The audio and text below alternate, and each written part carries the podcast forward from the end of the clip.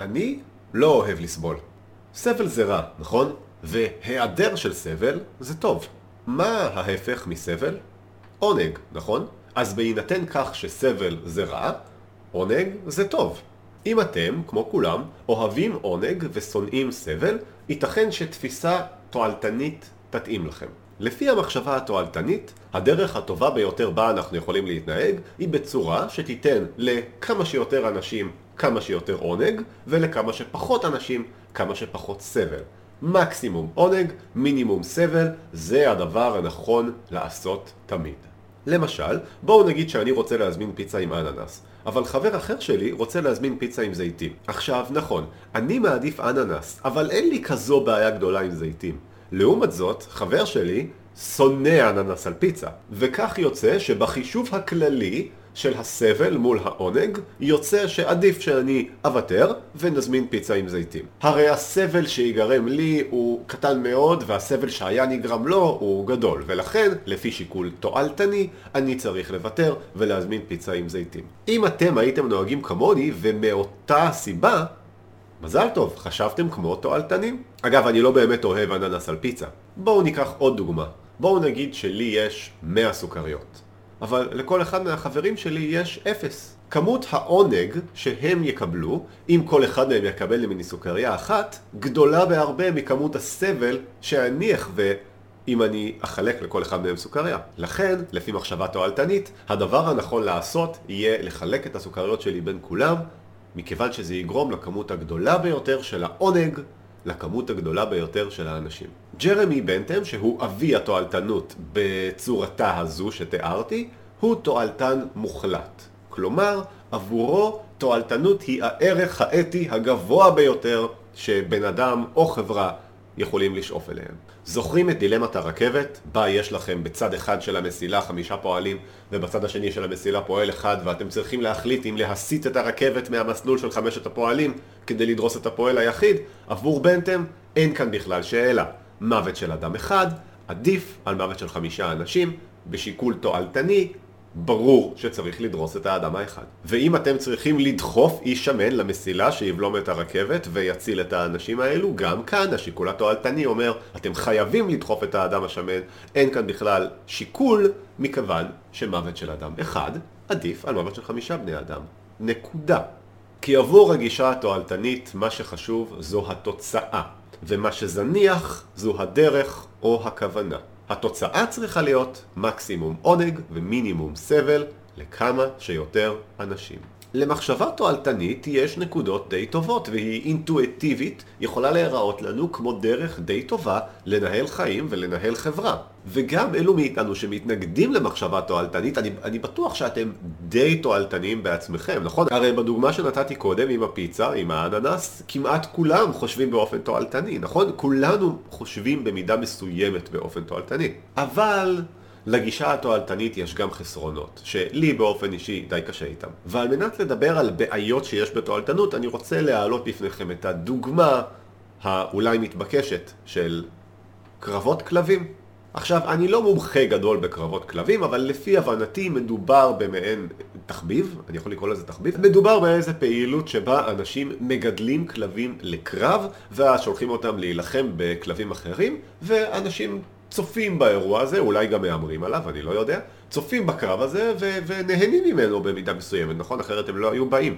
אה, צופים באירוע של קרבות הכלבים כמו שאנשים צופים בתיאטרון. איך זה קשור לתועלתנות?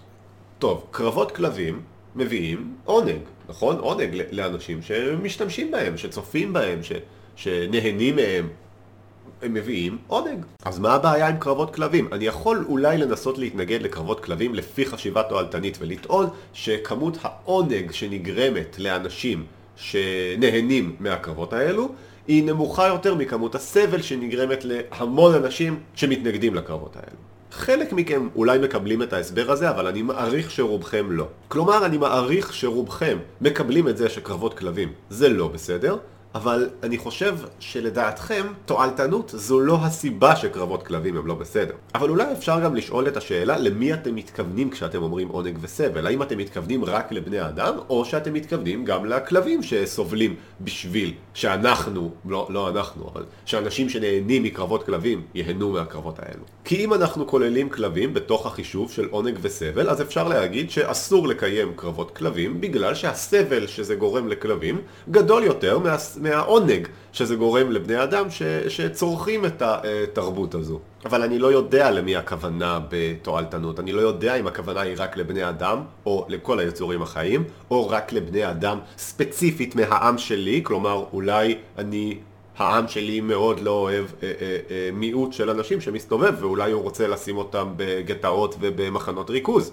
ואז זה יסב להם הרבה מאוד אושר אז מה, מבחינת שיקול תועלתני גם זו פעולה אתית? טוב, אין לזה סוף בואו נשאר עם הטיעון הפשוט כמה שיותר עונג וכמה שפחות סבל לכמה שיותר אנשים נקודה, בלי להסתבך אז מה הבעיה עם קרבות כלבים? בואו, מה אם יש אנשים שזה מסב להם עונג שבלתי יתואר? מה אכפת לנו? אנשים, אם הם כל כך נהנים מזה, למה קרבות כלבים זה בעיה? מה אכפת לנו? טוב, עוד רגע נחזור לסיפור של קרבות הכלבים. כרגע אני רוצה לספר סיפור אחר. דמיינו שיש עיר נהדרת, משגשגת, בה כל חלומותיכם מתגשמים. אין עוני, אין סבל, אין מחלות. כולם חיים חיים טובים. אבל באותה עיר יש מרתף. מתחת לקרקע, או אולי אפילו באחד הבתים.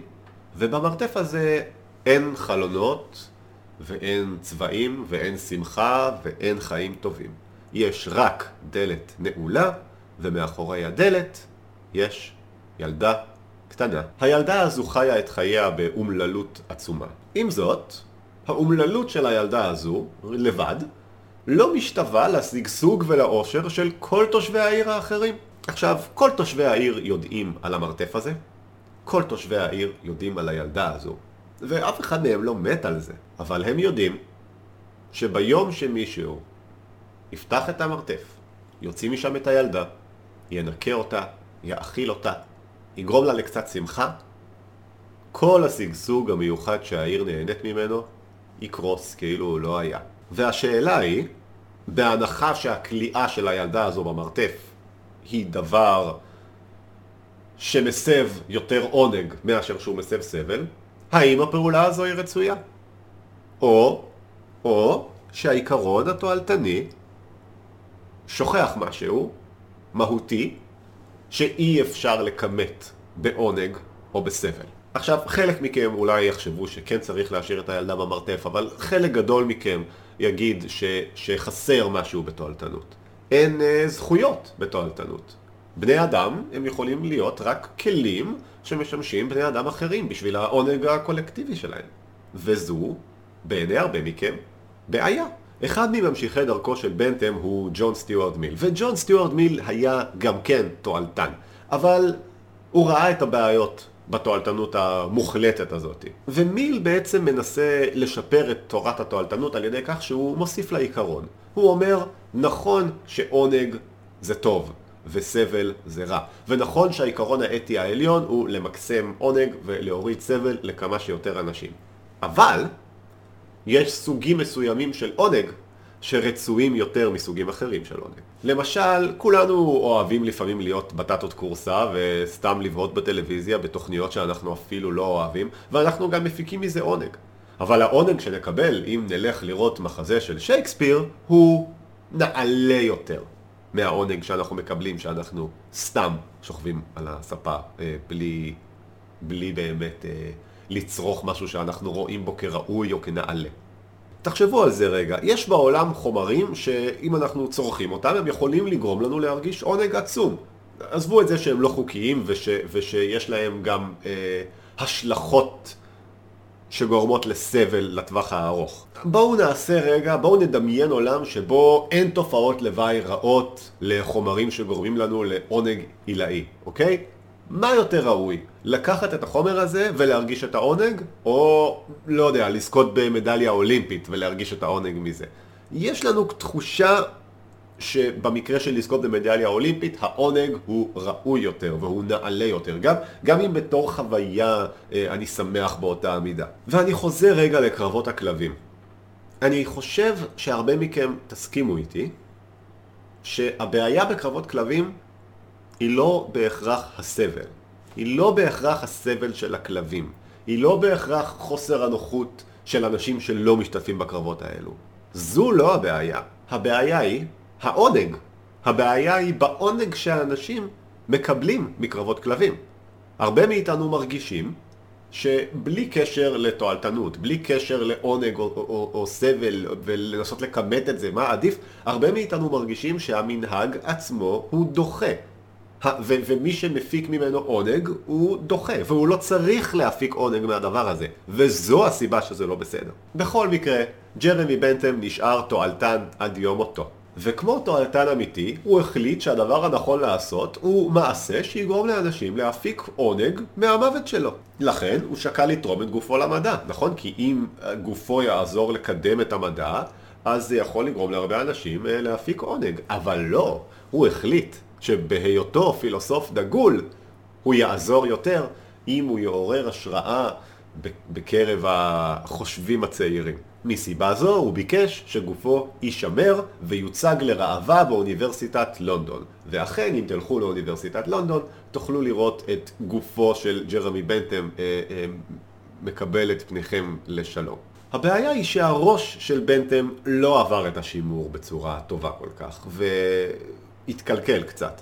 אז הוצב על גופו של בנטם אה, ראש משעווה, והראש האמיתי של בנטם היה אה, לרגליו. סטודנטים חשבו שיהיה מצחיק לגנוב את הראש של אה, בנטם מהתצוגה, ולפי הסיפור הם החזיקו את הראש ככופר ודרשו מהאוניברסיטה, בשביל לקבל חזרה את הראש, שיתרמו לצדקה.